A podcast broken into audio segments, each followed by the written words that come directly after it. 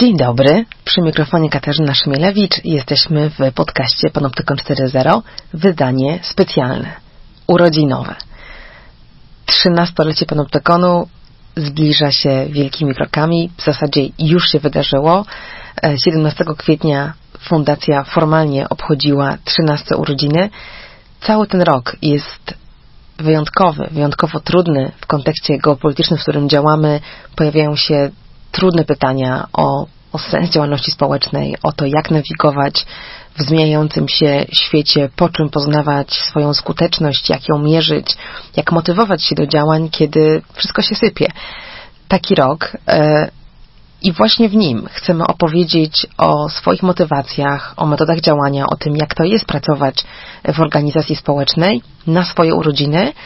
Żeby było to możliwe, poprosiłam o pomoc naszego wieloletniego przyjaciela, świetnego dziennikarza, Kuba Janiszewskiego, który poprowadzi dla nas ten podcast. Technologie i człowiek. Człowiek i technologie. Gdzie na tym styku czekają na nas zagrożenia? Jak korzystać z technologii, by na nich skorzystać? Jak kontrolować, kto gromadzi o nas informacje i do czego ich używa? Panoptykon 4.0 Podcast to KFM.pl i Fundacji Panoptykon. Katarzyna Szmielewicz ze mną w studiu, Wojciech Klicki i Małgorzata Szomańska. Dzień dobry, jak się czujecie, kochani? Nietypowo. Dawno nas tu nie było, fizycznie. Ja też czuję się nietypowo, odpowiadając na pytania w podcaście Panoptykon 4.0. Wolę je zadawać ostatnio. Tak, to wydanie Panoptykon 4.0 będzie o Was i o Waszej roli, o Waszej organizacji. E, też wyjaśnię, dlaczego akurat tak myślę, że dlaczego ja akurat zostałem poprowadzony o, poproszony o poprowadzenie tego wydania. Myślę, że to nie tylko dlatego, że Was lubię, ale też dlatego, że tak się złożyło, że te 13 lat temu, kiedy Panoptykon w ogóle zaczął istnieć w mediach, złożyło się przypadkowo tak, że pierwszy wywiad, jakiego udzieliłyście, mówię to do Małgorzaty Szumańskiej i do Katarzyny Szymielewicz miał miejsce w moim programie. Podówczas nazywał się on bodajże Nisza. E, to bardzo licuje z, tą niszową organizacją. Mhm. I pamiętam, że przyszłyście wtedy opowiadać o karcie miejskiej. O karcie miejskiej, która za, wówczas wtedy w ogóle była wprowadzana przez ratusz i przez e, Zakład Transportu Miejskiego. E, I ta karta Was zaniepokoiła z tytułu danych, które trzeba było podać, żeby ją w ogóle otrzymać. A ci, którzy chcieli mieć kartę na okaziciela, musieli dużo więcej płacić. I to Was pamiętam, że byłyście bardzo tym przejęte i zaniepokojone. I to był właściwie pierwszy raz, takie mam wrażenie, w polskich mediach, kiedy ktoś się w ogóle zajmował danymi personalnymi i twierdził, że coś tu się wokół tego dzieje.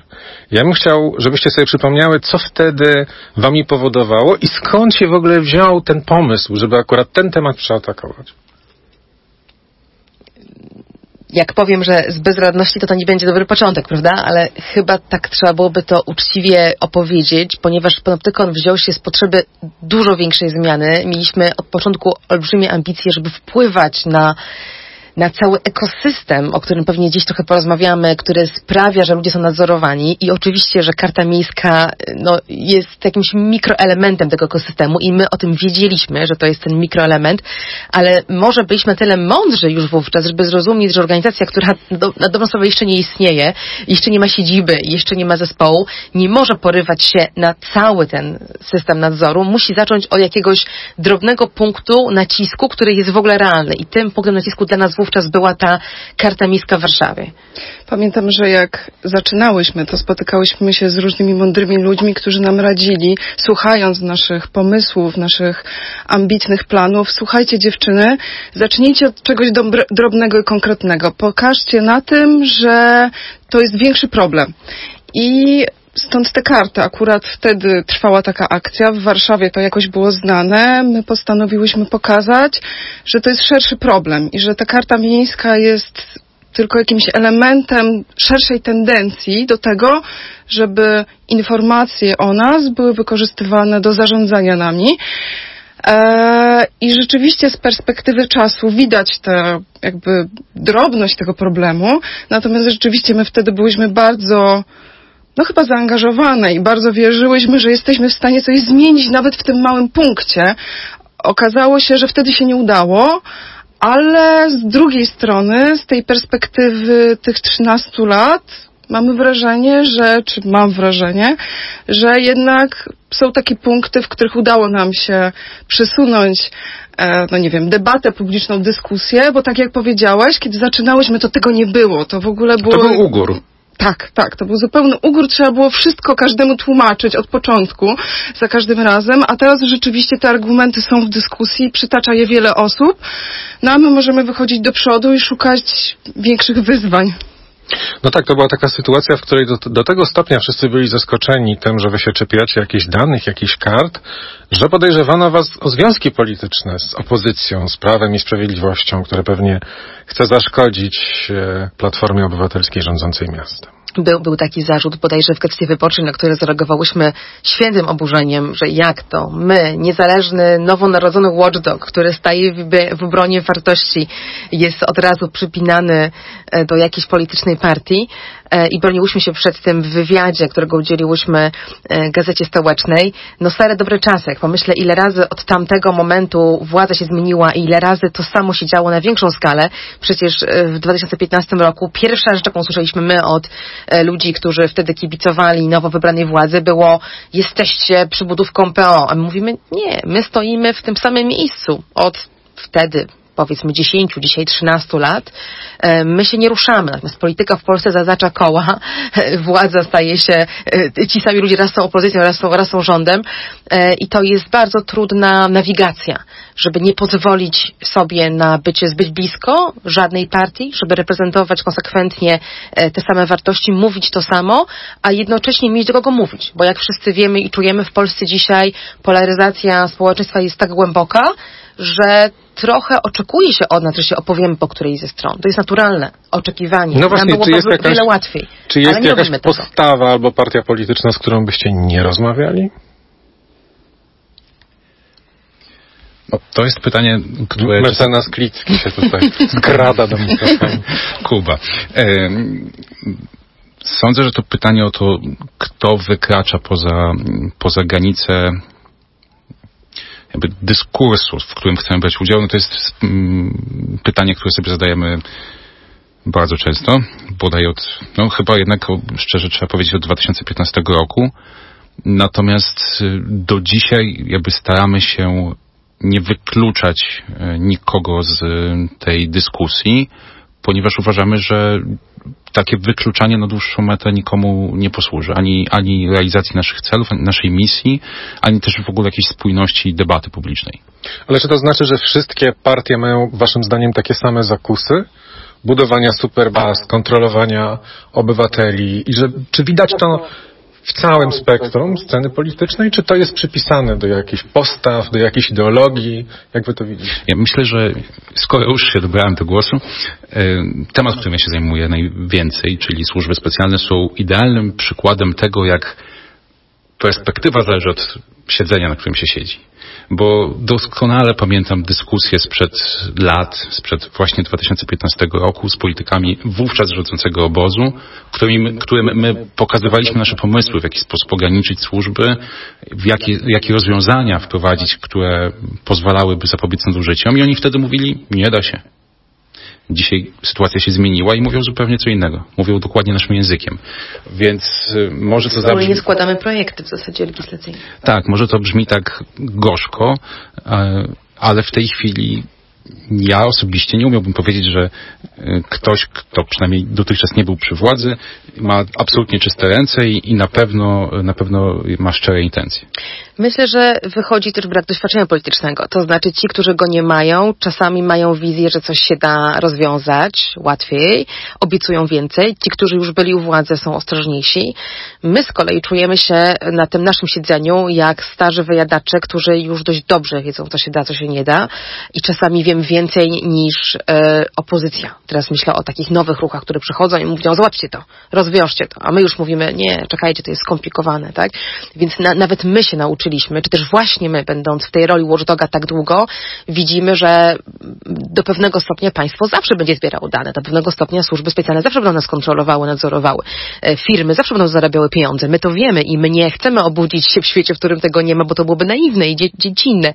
Natomiast e, nadal, nadal z uporem sektorem e, panoptykonowym chcemy wprowadzić tutaj pewne bezpieczniki i gwarancje. No i szukamy sojuszników do tej walki. To nie jest proste. Ale tu już się zarysowały takie dwie linie bardzo ciekawe panoptykonu i działalności panoptykonu. Czyli z jednej strony panoptykon, który od lat mówi o roli służb w Polsce, a z drugiej strony panoptykon, który już zaczął funkcjonować jako instytucja, zaryzykuje hasło lobbyingowe, można tak powiedzieć? Z całą pewnością. Myślę, że z dumą nosimy y, etykietę lobbysty. Jesteśmy wpisani nawet do takiej bazy danych w Brukseli y, oficjalnych lobbystów. W Polsce mm, nie dlatego tylko, że jej nie ma, czy też nie tak się ona nazywa, a Wojtek mnie koryguje, o czymś nie wiem. No to w Polsce działając w interesie publicznym, a my działamy w interesie publicznym, nie mamy obowiązku wpisywania się do y, katalogu czy do listy zawodowych lobbystów. My jesteśmy lobbystami społecznymi. Tak. Ale jesteśmy lobbystami, my jestem, to Kasia powiedziała o tym, że z dumą nosimy to, to miano. Ja też jestem zwolennikiem odczarowywania tego słowa, które ma jakieś złe konotacje, ale skoro uznajemy, a jednak uznajemy, że prawo jest nośnikiem jakiejś zmiany, jakiejś decyzji, to jakby wpływanie, ktoś, kto wiem, reprezentując jakieś wartości chce na to prawo wpływać, nie musi się wstydzić tego, że nazywany jest lobbystą. No, my wręcz oczekujemy, że w tych rejestrach przejrzystości, które Unia Europejska prowadzi na wyższym poziomie niż polski rząd, e, spotkania z nami i rozmowy będą pojawiały się coraz częściej, bo to jest probierz skuteczności. A więc to, że w kolejnych raportach takiego Corporate Europe Observatory pojawiamy się my, wszystkie organizacje społeczne, jako jakaś nisza właśnie w tym wysiłku lobbyingowym w porównaniu z tym, co skutecznie robią duże firmy, to nie jest dobra informacja. Więc myślę, że dobrze byłoby, żeby ten lobbying w interesie społecznym był coraz silniejszy, coraz bardziej widoczny, coraz lepiej dofinansowany. No ale tutaj pojawia się pytanie centralne, kogo reprezentuje pan optykon, prawda? No bo jeżeli mówimy, jesteśmy lobbystami, no to w czyim imieniu? No to rzeczywiście byłoby łatwiejsze pytanie, gdybyś powiedział, zapytał o to, w czyim interesie działamy, bo tu możemy dosyć pewnie odpowiedzieć, że my działamy w interesie społecznym i działamy w interesie całego społeczeństwa i to tych, którzy nas wspierają i podzielają te same wartości i tych, którzy mają inne problemy na głowie, nie mają czasu albo uważają, że nigdy nie dadzą się manipulować albo nie mają nic do ukrycia. Więc e, nikt nas nie wybrał Rzeczywiście, nie mamy takiej legitymacji e, demokratycznej, natomiast mamy wrażenie, że to, co jest naszym orężem i to, co jakoś nas legitymizuje, to są wartości, wspólne wartości, które jakoś sobie wypracowaliśmy jako grupa ludzi, która panoptyką zakładała, oddolnie, bez jakiegoś milionera, który sypnął pieniędzy, bez, pieniędzmi, bez zagranicznej organizacji, która postanowiła tworzyć jakiś klon. I przez te lata z małej grupy ludzi rzeczywiście mam wrażenie, że urosło coś, co rzeczywiście w środku ma te 10 osób, ale, ale mam wrażenie, że za nami jest grupa osób, których są tysiące, która podziela te nasze wartości, która jest na naszych listach, która nam kibicuje, która czyta to, co piszemy, która wreszcie wspiera nas pieniędzmi, swoim jednym procentem i darowiznami i w ten sposób jakoś pokazuje, że ma zaufanie do tego, co robimy i że to, co robimy jest dla tych osób ważne e, i są gotowe się pod tym podpisać w ten sposób. Czyli czujesz, że jeżeli znowu będzie nam groziło akta 2, to nawiązanie do jednego z wydarzeń, które dla panoptykonu były bardzo istotne, to wyprowadzisz te 10 tysięcy ludzi na ulicę? Nie wiem. Nie wiem, czy mamy takie narzędzia w tym momencie, żeby ich wyprowadzić. Myślę, że to zależy od wielu różnych okoliczności. E, Ale bar... czujesz, że masz tą łączność z nimi? Że to jest taki, takie, że to jest rzeczywiście jakby Panoptykon zbudował sobie bazę społeczną. Wiesz tak co, ta nasza baza społeczna jest trudną bazą społeczną, bo to jest baza społeczna, nie wiem czy to będzie popularne, co teraz powiem, ale ludzi bardzo myślących i bardzo krytycznych. To znaczy oni są w stanie, na, to nie jest taka grupa ludzi, która wyjdzie za wodzem i wódz mówi, nie wiem, Katarzyna krzyknie, idziemy po prostu na, e, na ten budynek i to po prostu wszyscy owce, ruszą. Nie, nie. To, to nie są owce, to są ludzie bardzo krytycznie myślący, którzy kwestionują często to, co robimy, a mimo to się pod tym podpisują. Zwracają uwagę, kiedy się potkniemy, ale mówią, działajcie tak dalej, bo wasza praca jest ważna, bo problem, który e, staracie się rozpracować, to jest problem, który ja też widzę. Więc jeżeli pytasz o to, czy wyprowadzimy tych ludzi, nie wiem. To jest rzeczywiście bardzo trudne. Ostatnio robiliśmy kampanię społeczną, która dla nas była ogromnym wyzwaniem, bo mierzymy się z tematem tutaj służb, który mam wrażenie, że jest tematem, którym wielu osób kojarzy się z jakimiś teoriami spiskowymi, kto się tym interesuje w Polsce, a mimo to postanowiliśmy ludzi zaangażować jakoś w ten temat. Było to trudne, ale mam wrażenie, że sporo osób zrozumiało. Później pomógł nam Pegasus, żeby jakoś podkręcić jeszcze, jeszcze zainteresowanie tym. Więc myślę, że to dużo zależy od tego, jaka to będzie zmiana i czy rzeczywiście uznamy, że warto o tych ludzi walczyć. Na co dzień o naszym działaniu decyduje, decydują w dużej mierze ograniczone zasoby. To znaczy za każdym razem, jak chcemy osiągnąć jakiś cel, to siadamy w te kilka osób i się zastanawiamy, gdzie przyłożyć, gdzie nacisnąć, żeby osiągnąć najlepszy efekt. I czasem to rzeczywiście mogą być ludzie, a czasem może się okazać, że lepiej zainwestować w co innego i to będzie miało e, większy skutek. Co? To wytłumaczcie tą różnicę. Kiedy mówię, kiedy ty mówisz nie, ludzie, a ty odpowiadasz nie, co? Przepisy prawa, na przykład, o które się... Czyli ekspertyza. Tak dobrze rozumiem? Mówiliśmy już o tym lobbying i może tego się trzymajmy. No ale to, to, to, wymaga jakby wiedzy eksperckiej, tak? Tak. To dlatego Tak. w ten sposób o tym mówię. Jeżeli taka dychotomia, że, że panoptykon działa poprzez ludzi albo poprzez wiedzę, analizę, to rzeczywiście wtedy to nasza wiedza e, jakby determinuje to, gdzie pójdziemy, e, dokąd pójdziemy, ale nigdy, naprawdę nigdy to nie jest tak, że to jest mój czy kogokolwiek w, w zespole pomysł, który ta, ten człowiek sam realizuje. To jest niemożliwe. Jeżeli nawet decydujemy się na działania lobbyingowe bez udziału ludzi, bez udziału tych umownych 10 tysięcy na ulicy, a często musimy, bo tych ludzi z nami nie ma, bo oni tego problemu jeszcze nie dostrzegają, to i tak nie działamy sami. Zawsze działamy w sieciach i to właśnie o tym decydują nasze ograniczone zasoby. Taki mały panoptykon w Brukseli byłby jak kometa, która przelatuje przez jakiś ogromny firmament i znika, więc my musimy działać sieciowo, a więc my zawsze musimy przekonać i tych naszych krytycznych wspierających w Polsce, i te nasze sieci zagraniczne, gdzie siedzą podobni nam eksperci, którzy również mają swoje opinie i, i sporo wiedzy mm, na każdy temat, żeby poszli z nami. I nam się to coraz częściej udaje. W ostatnim procesie, który trwał bagatela 3 lata i się jeszcze nie skończył, walki o regulacji wielkich platform internetowych, my się uparliśmy na przykład na regulację algorytmów. Uznaliśmy, że centralnym problemem e, dla tego, czym my się zajmujemy, jest to, jak działają algorytmy, czyli takie skrypty, e, najczęściej programy komputerowe pisane przez e, data scientist, tak, ludzi w, w ramach wielkich firm, które przetwarzają dane osobowe, ale tak naprawdę ich głównym celem jest wpłynąć na ludzkie zachowanie, przewidzieć to zachowanie albo je zmodyfikować. Takie algorytmy mamy w reklamie, mamy je e, w systemach rekomendujących treści, mamy je na każdym kroku. Ich nie widać, ale one są niezwykle potężne. Co z nimi zrobić? Trudna sprawa. Zrozumieć, jak to działa, zrozumieć, czym się różni algorytm big techów od przepisu na ciasto, to już jest parę lat pracy. Zrozumieć, o czym my tak naprawdę rozmawiamy, jak to uregulować, potwornie trudna sprawa. Jakbym chciała pociągnąć ludzi na ulicę w tym temacie, obawiam się, że wyjdę sama albo w pięć osób. Więc tutaj nie działamy protestem, ale działamy sieciowo. Mamy dziesiątki osób, z którymi się zderzamy w różnych kręgach. Oczywiście najczęściej to są, to są jakieś zoomy yy, i inne rozmowy telefoniczne, bo nie możemy się spotykać zbyt często w tych czasach. I gdzie to na koniec jest ten Parlament Europejski, czy ta komisja, która nas usłyszy lub nie, a usłyszy nas, jeżeli będziemy widoczni w Politico, w Euroactivie, w 15 konferencjach, na wydarzeniach, gdzie nas nikt nie wpuści, jak będziemy oszołomami. Więc my się musimy wykazać tą ekspertyzą wobec wielu, wielu osób, po to, żeby ona była słyszalna i żeby gdzieś na koniec zadziałała na przepisy prawa.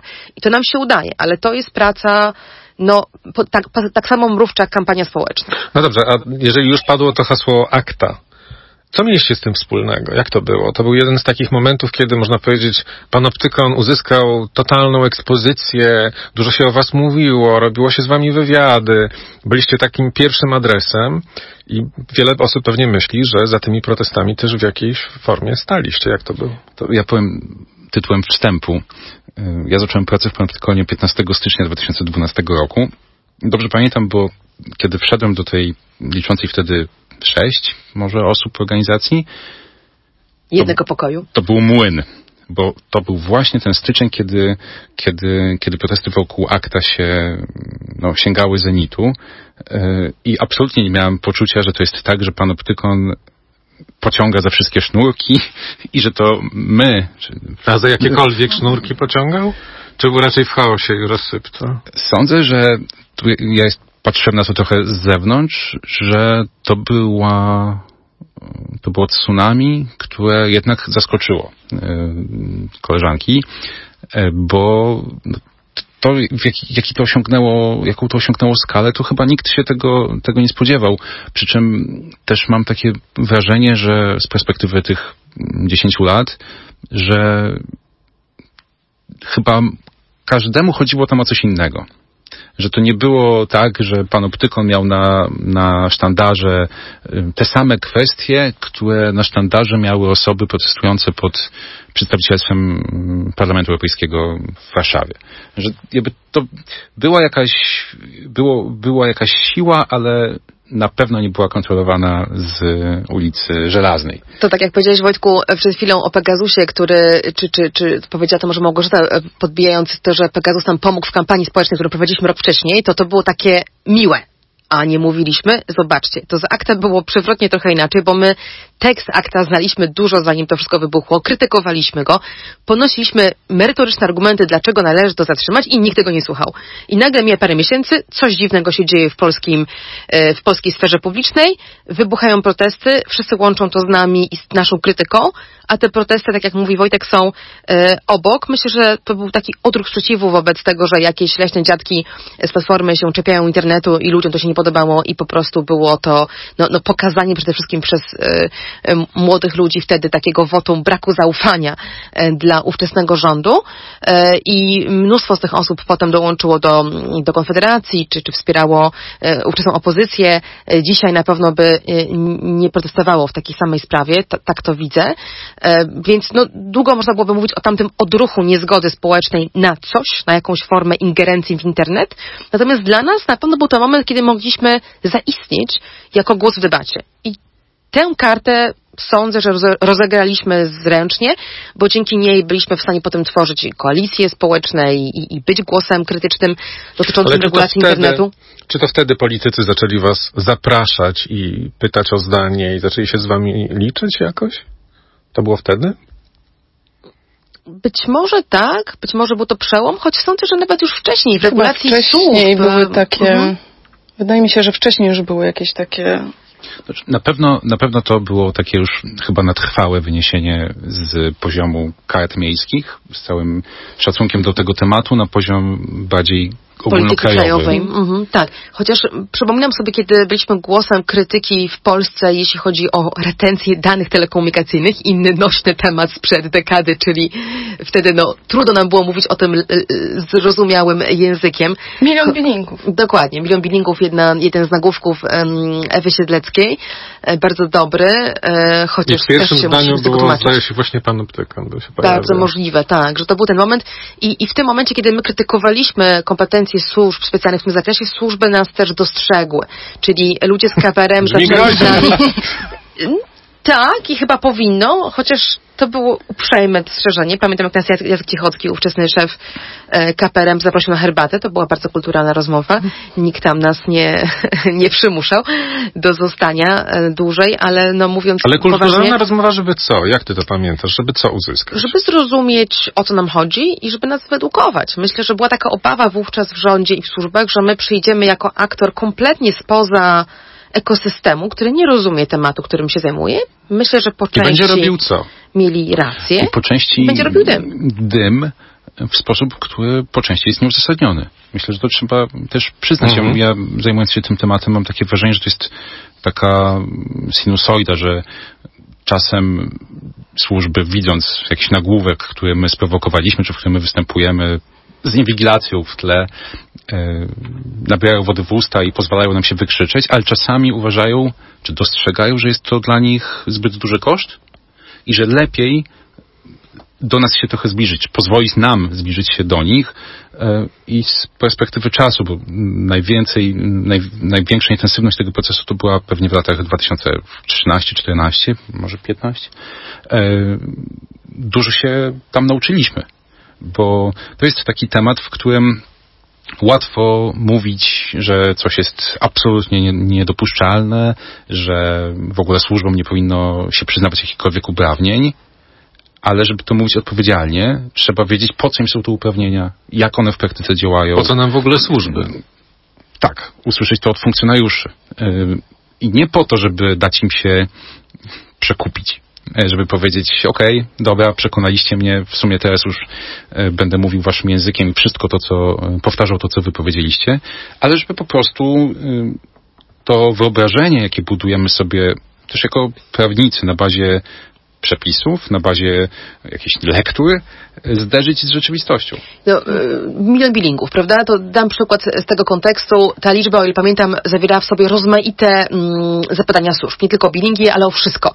I jednym z zarzutów do nas, słusznym, było to, że my nie rozumiemy, że czasami jest tak, że coś się dzieje w jakiejś lokalizacji y, gęstej, na przykład w metrze centrum w Warszawie y, i że służby muszą zrzucić, tak wtedy oni tym mówili, dane z całego BTS-a, nie billingi, tylko informacje o tym, jaki telefon logował się w danym momencie do tego BTS-a. I tego może być bardzo dużo.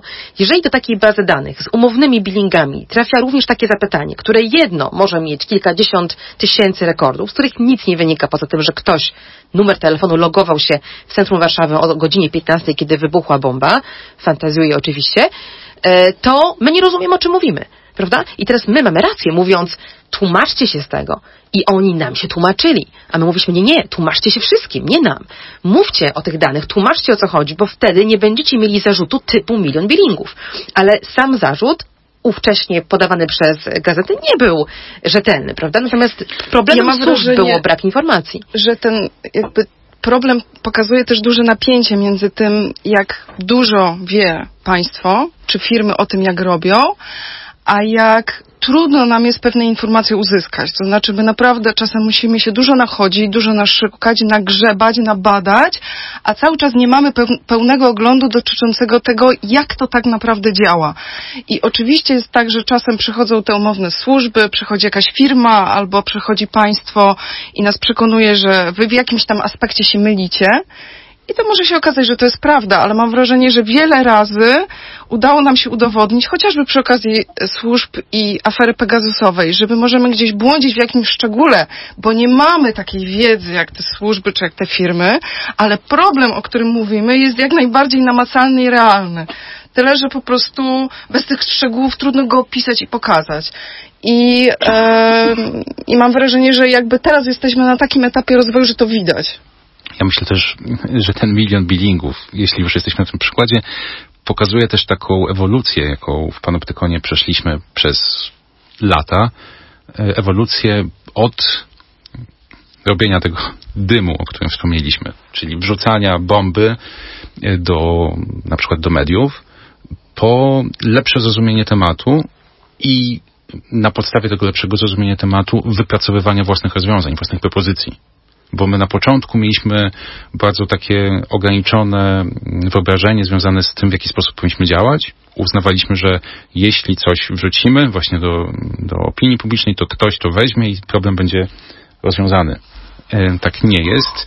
E, dzisiaj możemy już nie tylko wrzucać te bomby, ale też, zwłaszcza w takich naszych flagowych tematach, e, dzięki wieloletniej pracy, proponować konkretne rozwiązania. No dobrze, ale tutaj chciałbym tam trochę nam skomplikować tą rozmowę i przywołać takie wydarzenie, które teoretycznie mogła, mogłoby dla nie wiem, czy naszej banieczki, bo nie wiem, jakby to się przekładało na rzeczywiste bańki, w których funkcjonujemy, czy jest jakaś naszość, czy mi się tylko tak wydaje, ale dla tak zwanych postępowców, którzy e, funkcjonują w imię społeczeństwa obywatelskiego, to było wydarzenie bardzo ważne i mm, specyficzne, bo chodzi mi tutaj o aferę Snowdena, prawda? I chodzi mi o ten moment, kiedy wydawało nam się, że mamy oto bohatera i rycerza na białym koniu, który jak się potem okazało już na nieważnym paszporcie wjechał do Moskwy i dzisiaj tam robi nie wiadomo co, prawda? Nie wiadomo kto nad nim roztoczył tą kryszę, która niewątpliwie tam działa. I nagle ten portret e, zaczął ciemnieć, prawda? I tutaj się mocno zmieniła interpretacja tego, czego wówczas staliśmy się świadkami. Jak wy dzisiaj myślicie o takich zmianach, o takich sytuacjach, sytuacjach, które wydawałoby się właśnie niosą jakąś niby nadzieję, przynoszą jakieś istotne fakty i mają wzniecać dyskusję, którą powinniśmy poważnie toczyć, a potem się okazują rozgrywką nawet nie służb być może, tylko poważnych mocarstw. To tylko potwierdza naszą teorię zmiany, w której my nie zakładamy, że będzie jakiś moment, jakiś jeden bohater, jakaś jedna informacja, która zmieni wszystko. My rozumiemy. Rozumiemy naprawdę, że funkcjonujemy w niezwykle złożonym systemie władzy. Wtedy też to już rozumiało? Tak, wydaje mi się, że tak, bo pamiętam, kiedy pytano nas o Snowdena i ja bardzo ostrożnie podkreślałam, że nie komentuję jego motywacji, bo ich nie znam. Nie komentuję kim jest ten człowiek, w co on gra. Mnie interesuje, co on ujawnia. To, co on ujawnił w tamtym momencie było ważne i nadal jest ważne. To, to samo, co powiedział e, Wojtek i Mogorz za chwilę temu przy służbach. My możemy jakiegoś elementu układanki nie rozumieć. Z pewnością nie rozumiemy, bo ta układanka jest tak potwornie skomplikowana, że nikt jej nie rozumie. Nie ma osoby na świecie, która by patrzyła na to z lotu ptaka i pociągała te sznurki. Głęboko w to wierzę. Każdy widzi jakiś fragment, każdy funkcjonuje w, pewnym, w pewnej niewiedzy, pewnej asymetrii informacyjnej, tak jak my ze Snowdenem nie wtedy już bardzo się dystansowaliśmy do motywacji jego działań, do tego, w co on gra, a jednocześnie ceniliśmy to, że dzięki niemu coś stało się jawne, co było tajne. I te informacje pokazały wówczas niezwykle ważny element układanki, jakim jest faktyczna współpraca, współdziałanie graczy komercyjnych, wielkich firm internetowych, które przez długi czas, nie wiem, co pamiętacie jeszcze e, nasi słuchacze, miały takie odium bohaterów demokratycznej e, przemiany. Udostępniania internetu tak, masą. To były te miłe firmy przecież, które miały nam pomagać e, w kontakcie ze światem, miały nam otwierać drzwi do wszechświata. ludzi. Dokładnie, łączyć ludzi. Co się okazało, że one również łączą, podpinają pod to wszystko służby i nie robią tego wyłącznie, e, bo muszą, tak? Robią to, bo mają w tym swój e, interes. I to był ważny element. Do dzisiaj korzystamy z tej wiedzy, więc w, ty, w, ty, w tym sensie Snowden, jego, jego legacy, jego to, co on pokazał, nie przestaje być ważne. No, a świat idzie do przodu, tak? Mamy dzisiaj wojnę. Wszystko się zmienia. Dla mnie ten, poza tym wątkiem, o którym Kasia powiedziała przed chwilą, tej współpracy pomiędzy mm, korporacjami a państwem, w rewelacji, amerykańskim państwem w tym, co ujawnił Snowden, jest jeszcze jeden ważny, ważna lekcja, bo faktycznie my się wtedy dystansowaliśmy od samego Edwarda Snowdena. Staraliśmy się wtedy podkreślać wątki polskie w tej sprawie. Bo to nie było tak, że on mówił wyłącznie o sprawach związanych z fun- funkcjonowaniem NSA e, w Stanach Zjednoczonych. Były tam wątki polskie i ja z perspektywy czasu mam takie poczucie, że no nie spotkało się to z tak dużym zainteresowaniem opinii publicznej, na jakie liczyłem. I nie wiem, czy, czy to jest efekt może naszych działań, może po prostu coś się zmieniło na przestrzeni tych niemal 10 lat, ale dla mnie pra- sprawę Edwarda Snowdena można trochę porównać z Pegasusem. Mam wrażenie, że wrażliwość polskiej opinii publicznej na bycie inwigilowanym, na w ogóle na ten temat e, stopniowo rośnie. I to jest akurat dobra wiadomość.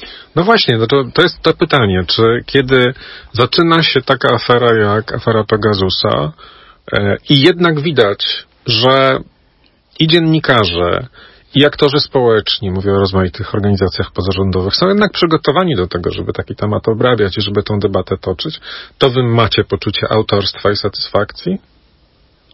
Macie? Patrzę na Wojtka. E, No, sprawa Pegasusa rzeczywiście była takim tematem, który wybuchł nam w rękach i wybuchł nam w rękach, bo my trzymaliśmy ten temat. To nie Co było... to znaczy? To znaczy, Brzmi to że, groźnie. To znaczy, że takie osoby jak ty e, albo inni dziennikarze, kiedy szukali kogoś do skomentowania tej sprawy, to pierwszy numer, jakiego szukali, to były, to były, to były nasze numery. I to nie tylko tyle. To znaczy też, że politycy, niestety ci opozycyjni, jeśli chcieli stworzyć jakiś projekt, do kogoś przy kimś się mm, pokazać, to też dzwonili do nas.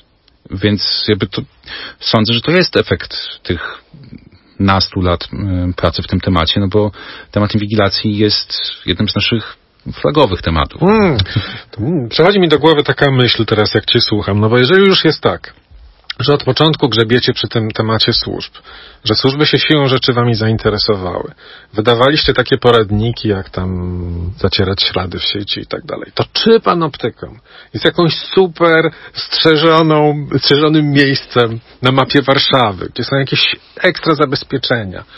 Czy wy się w ogóle bronicie przed jakąś inwigilacją? Jak to jest?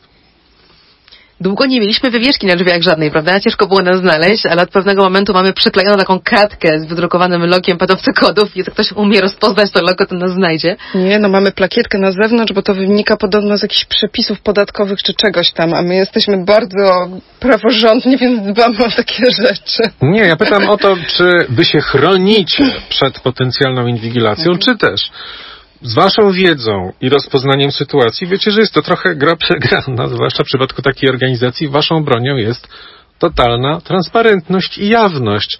Tak odnoszę tutaj w stronę Mhm. Katarzyny, patrzę, bo właściwie z, z takim hasłem weszłaś dzisiaj do studia, trochę narzekając, że panoptykon jest zbyt jawny, a przez to przez wielu jest traktowany jako zbyt naiwny. E, I że w pewnym sensie jest to no, no, trochę pułapka, a z drugiej strony być może jest to właśnie odpowiedź na jakieś takie zagrożenia. To prawda, przeglądając nasze takie publiczne raporty, które co roku umieszczamy na stronie, mm, to nam się udało. Zwróciłam uwagę na taki taki dopisek, wszystko o co nie musicie pytać, trzy kropki, bo mamy to zawsze dla Was na stronie. I te najtajniejsze informacje o finansach, kto nam daje te pieniądze, ile my ich wydajemy i na co, u nas zawsze wiszą w tym samym miejscu. Mamy biulet informacji publicznej. Nie da się w mojej ocenie zrobić żadnej realnej afery z naszym udziałem, bo my po prostu niczego, o czym sami byśmy nie mówili, nie robimy. Jeżeli o czymś nie mówimy, dlatego że to jest nudne, żmudne i polega na wysyłaniu setek maili albo pisaniu poprawek, czy przyglądaniu tysięcy poprawek mm, do różnych ustaw. E, tak, na tym polega technicznie rzecz biorąc praca takiego lobbysty w Unii Europejskiej i zawsze, zawsze, zawsze chwalimy się tym, co chcemy zmienić, prawda? Czyli to my wychodzimy proaktywnie do mediów i mówimy, słuchajcie, chcielibyśmy te trzy sprawy załatwić, a potem tłumaczymy to na język przepisów. Więc tutaj no, niczego specjalnie sexy nie ma, żadnych spotkań w kuluarach, kolacji e, przy świecach i ośmiorniczkach, e, ale oczywiście, że mamy świadomość tego, że jak ktoś będzie chciał nam zrobić aferę i wyciąć z kontekstu jakieś zdanie, prawda, to to jest do zrobienia. I czy przy tym się chronimy? Patrzę Ja my- na pozostałych? Chyba nie. To jest tak, się. że my mamy pewne, hmm, nie wiem jak to dobrze nazwać, pewne standardy komunikacji na przykład, które uważamy, że dobrze jest stosować. Na przykład używamy szyfrowanych komunikatorów do mm, komunikacji wewnątrz org- organizacji, e, bo uważamy, że ludzie mają prawo do takiej komunikacji, która nie jest jakby, nie idzie otwartym tekstem. Natomiast to nie jest tak, że my zakładamy, że skoro my mamy ten szyfrowany komunikator i umiemy sobie zaszyfrować maile, to znaczy, że my jesteśmy odporni na, nie wiem, inwigilację służb, która jeśli będzie chciała, to one nas prześwietlą, tak? To tu mamy ewidentną nierówność broni. To znaczy, jeśli one będą chciały się czegoś od nas dowiedzieć, to się dowiedzą. Jeśli będą chciały nas prześwietlić, to prześwietlą. Jeżeli będą chciały szukać na nas haków, no to, To pewnie znajdą. zależy od ich inwencji, że tak powiem, Mhm. twórczej. E, więc my zakładamy, że staramy się właśnie te standardy pewne komunikacji zachowywać, natomiast nie zakładam, że się obronimy przed jakąś Człowiek strzela, inwigilacją. Pan Bóg kulę nosi. No taki Pegasus. Ja mówię o tym w kontekście Pegasusa, bo jeżeli ktoś chciałby wyciąć z kontekstu jedno zdanie z naszej rozmowy i je wykorzystać, przecież wszyscy wiemy, jak to działa.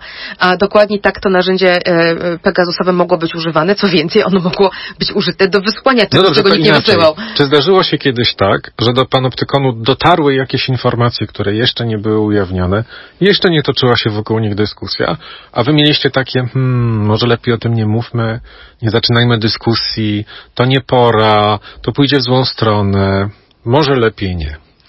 Nie przypominam sobie takiej sytuacji, żebyśmy się w ten sposób autocenzu- autocenzurowali, no bo mm, tego dotyczy twoje pytanie. Czy to też dotyczy na takiej Ale- postawy tro- trochę gracza politycznego? Ale były sytuacje, w których y, można byłoby sobie tego typu pytanie zadawać, no bo y, no, kilkukrotnie zdarzało się w taki sposób, zdarzały się takie sytuacje, że mm, poznawaliśmy na przykład projekty aktów prawnych, zanim one były publicznie dostępne. Choć było to przejawem choroby systemu, bo akurat tutaj chyba oboje myślimy o akcie prawnym, o którym władza mówiła, a go nie pokazywała. No więc granda, powinna go władza powiesić po prostu na Co swojej stronie. projekt ustawy o działaniach antyterrorystycznych. No, opowiem jako anegdotę, że po prostu zanim ten projekt został ujawniony, chociaż był, jakby były deklaracje, że trwają nad nim prace, e, to zanim został ujawniony, ja po prostu dostałem telefon, czy jest pan zainteresowany ustawą antyterrorystyczną.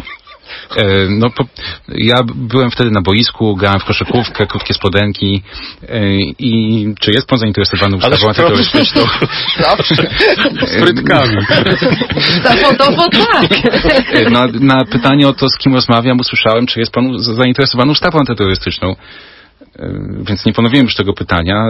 Powiedziałem, że tak, więc usłyszałem, że projekt będzie dostępny, uwaga, uwaga, na budce w, telefonicznej w placówce poczt, na, na poczcie głównej na ulicy Świętokrzyskiej. Nie spaliłeś lokalizacji naszych sygnalistów. No, no po prostu, to już brzmi jak Mission Impossible. Pojechałeś do, po, do, nie, nie, pojecha, nie, nie pojechałem. Zadzwoniłem do Kasi. To była Zadzwoniłem do Kasi, która wtedy, ojejku, była, była, była, była gdzieś tam w śródmieściu i, Byłam i Katarzyna... z wózkiem i z dzieckiem, wpakowałam tą kopertę do wózka i pojechałam, naprawdę, i pojechałam z nim na, dalej na jakąś imprezę i pamiętam, że to już tego nie pamiętałam, to mi Wojtek przypomniał ostatnio, jak e, sobie wspomnieliśmy tamte czasy, w metrze wyjęłam tą ustawę, bo nie mogłam się doczekać, zaczęłam ją ołówkiem podkreślać, nie pomyślawszy, czy długopisem chyba nawet, że będzie tam ona przydatna. I potem skany tej ustawy tak, no następnego dnia rano opublikowaliśmy.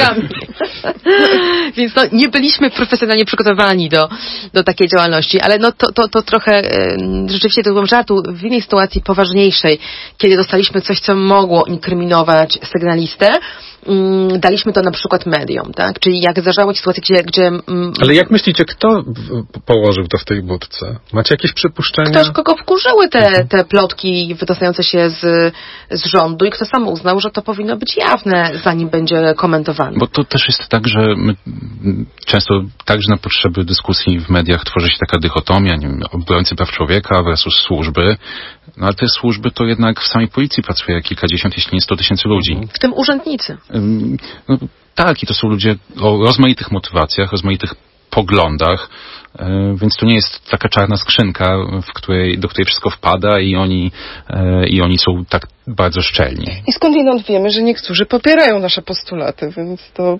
Szczerze mówiąc, kiedy, jeżeli znowu wracamy do wątku ludzi, to ci są najcenniejsi. Jeżeli do nas docierają, a docierają sygnały z branży reklamowej, z policji, z takich najciemniejszych miejsc na naszej mapie problemów, gdzie ktoś ze środka mówi, wiemy, rozumiem o czym mówicie, macie rację, to to są te momenty mhm. chyba ja mam wrażenie, że ci ludzie właśnie paradoksalnie najczęściej mówią, wy macie rację, na przykład ludzie z, z branży reklamowej, bo to jest tak, że mówimy o trudnych tematach, które przeciętnemu Kowalskiemu czy Kowalskiej nie zawsze dużo mówią, natomiast ludzie, którzy są w środku, często widzą, jakie to jest niefajne i chcieliby robić fajniejsze rzeczy, bardziej etyczne. I okazuje się, że oni często mówią, tak, macie rację.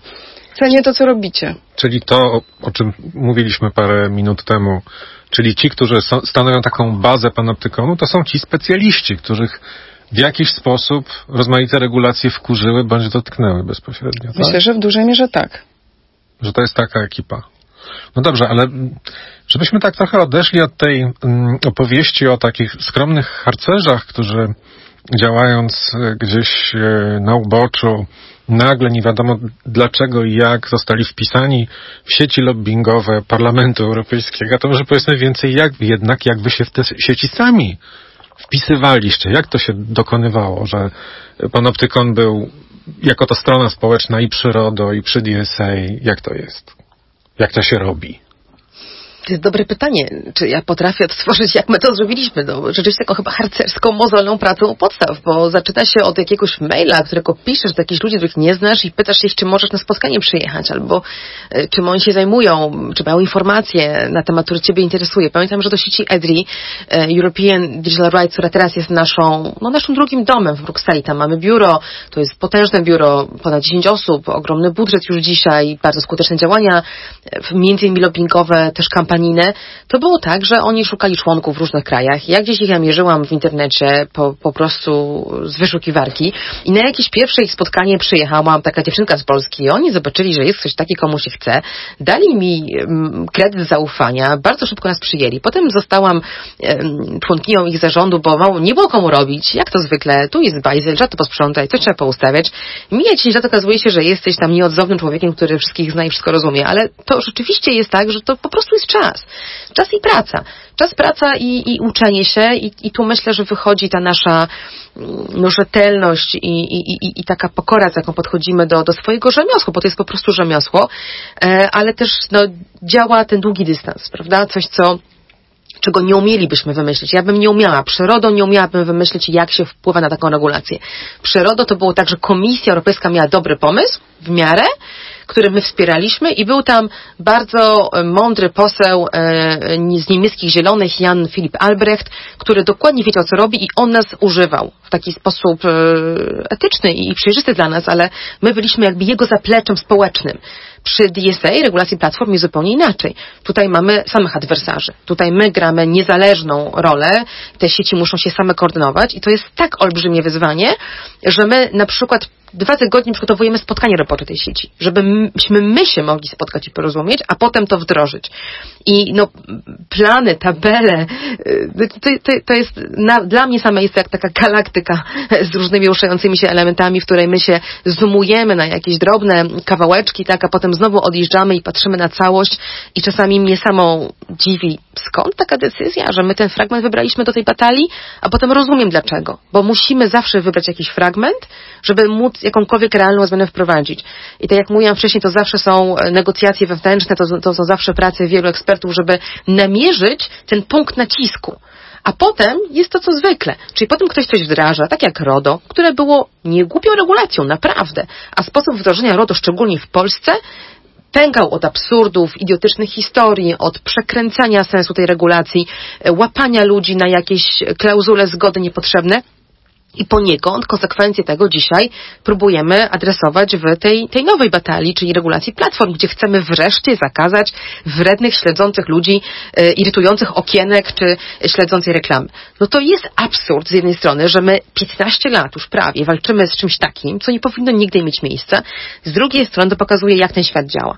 Tak jak służby będą zawsze próbowały nas śledzić na takie czy inne sposoby, tak reklama, firmy internetowe będą próbowały zarabiać na nas i e, pozyskiwać nasze nasze dane w ten czy inny sposób i tutaj no oni mają jeszcze dłuższy dystans, jeszcze więcej pieniędzy, być może jeszcze więcej pokory wobec tego systemu, nie kominem, to tylnymi drzwiami pod samą wejdą. I, i, i tu mm, mówimy o pracy syzyfowej, ale jednak takiej, którą ktoś musi wykonywać. A to jest fajny job, robić panoptyką? Klicki miał anegdotkę ładną. No, no, tak, ale nie pracuję w panoptykonie od 10 lat dla tej jednej anegdoty. Wiesz co, myślę, że to chyba każdy z, i każda e, z naszych osób, które są w zespole, musiałby o tym odpowiedzieć, na to odpowiedzieć sam. Jedyne, co mi przychodzi do głowy, to to, że mamy wyjątkowo małą rotację w zespole.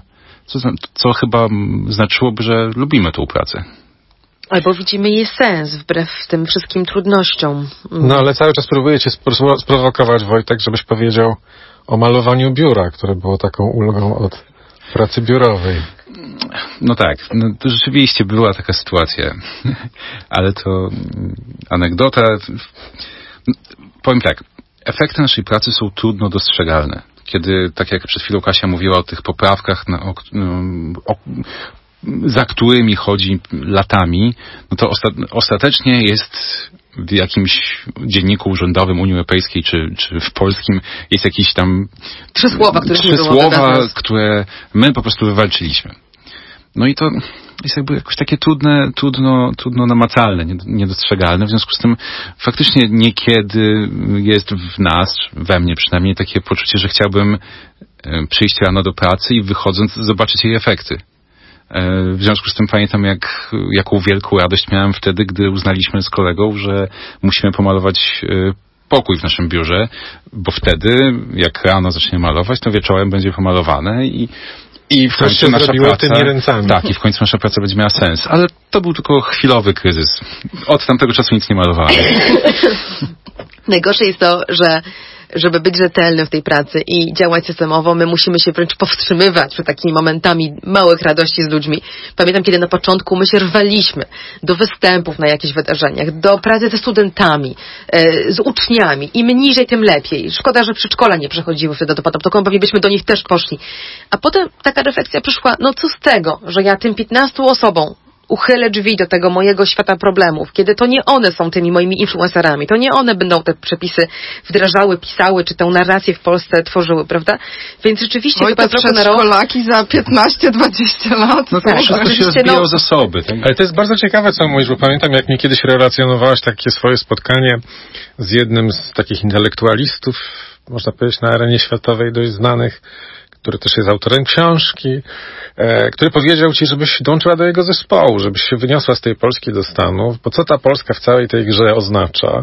Tu trzeba z największymi aktorami się zmierzyć, to się trzeba zmierzyć z imperialistami, e, a ty jednak tego nie zrobiłaś. Jednak zostałaś w tej Polsce przy tych, można by powiedzieć, przedszkolakach.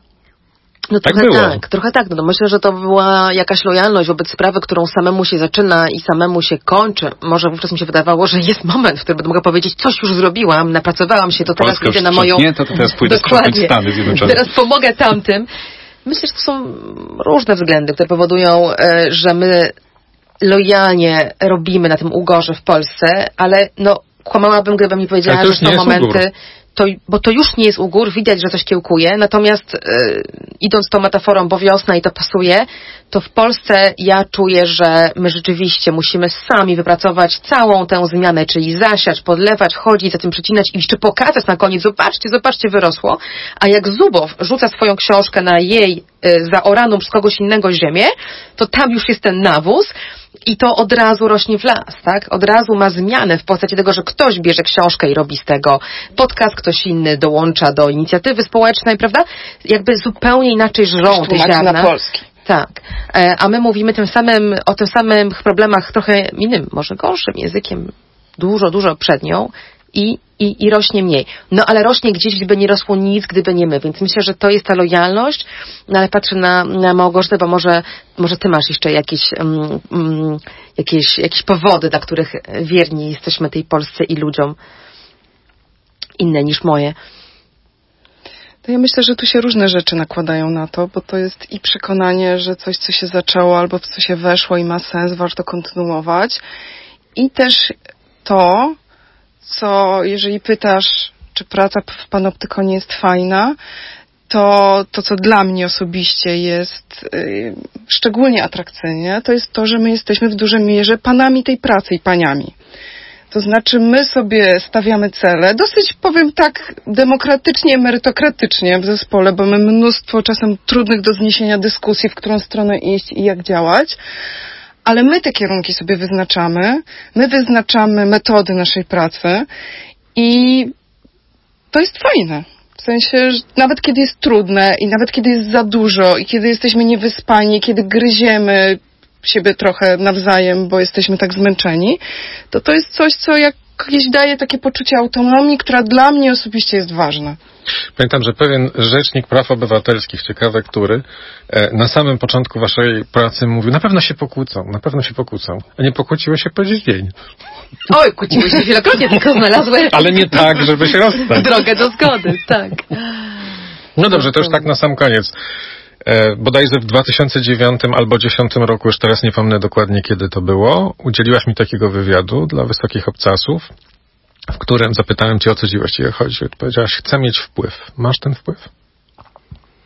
Mam.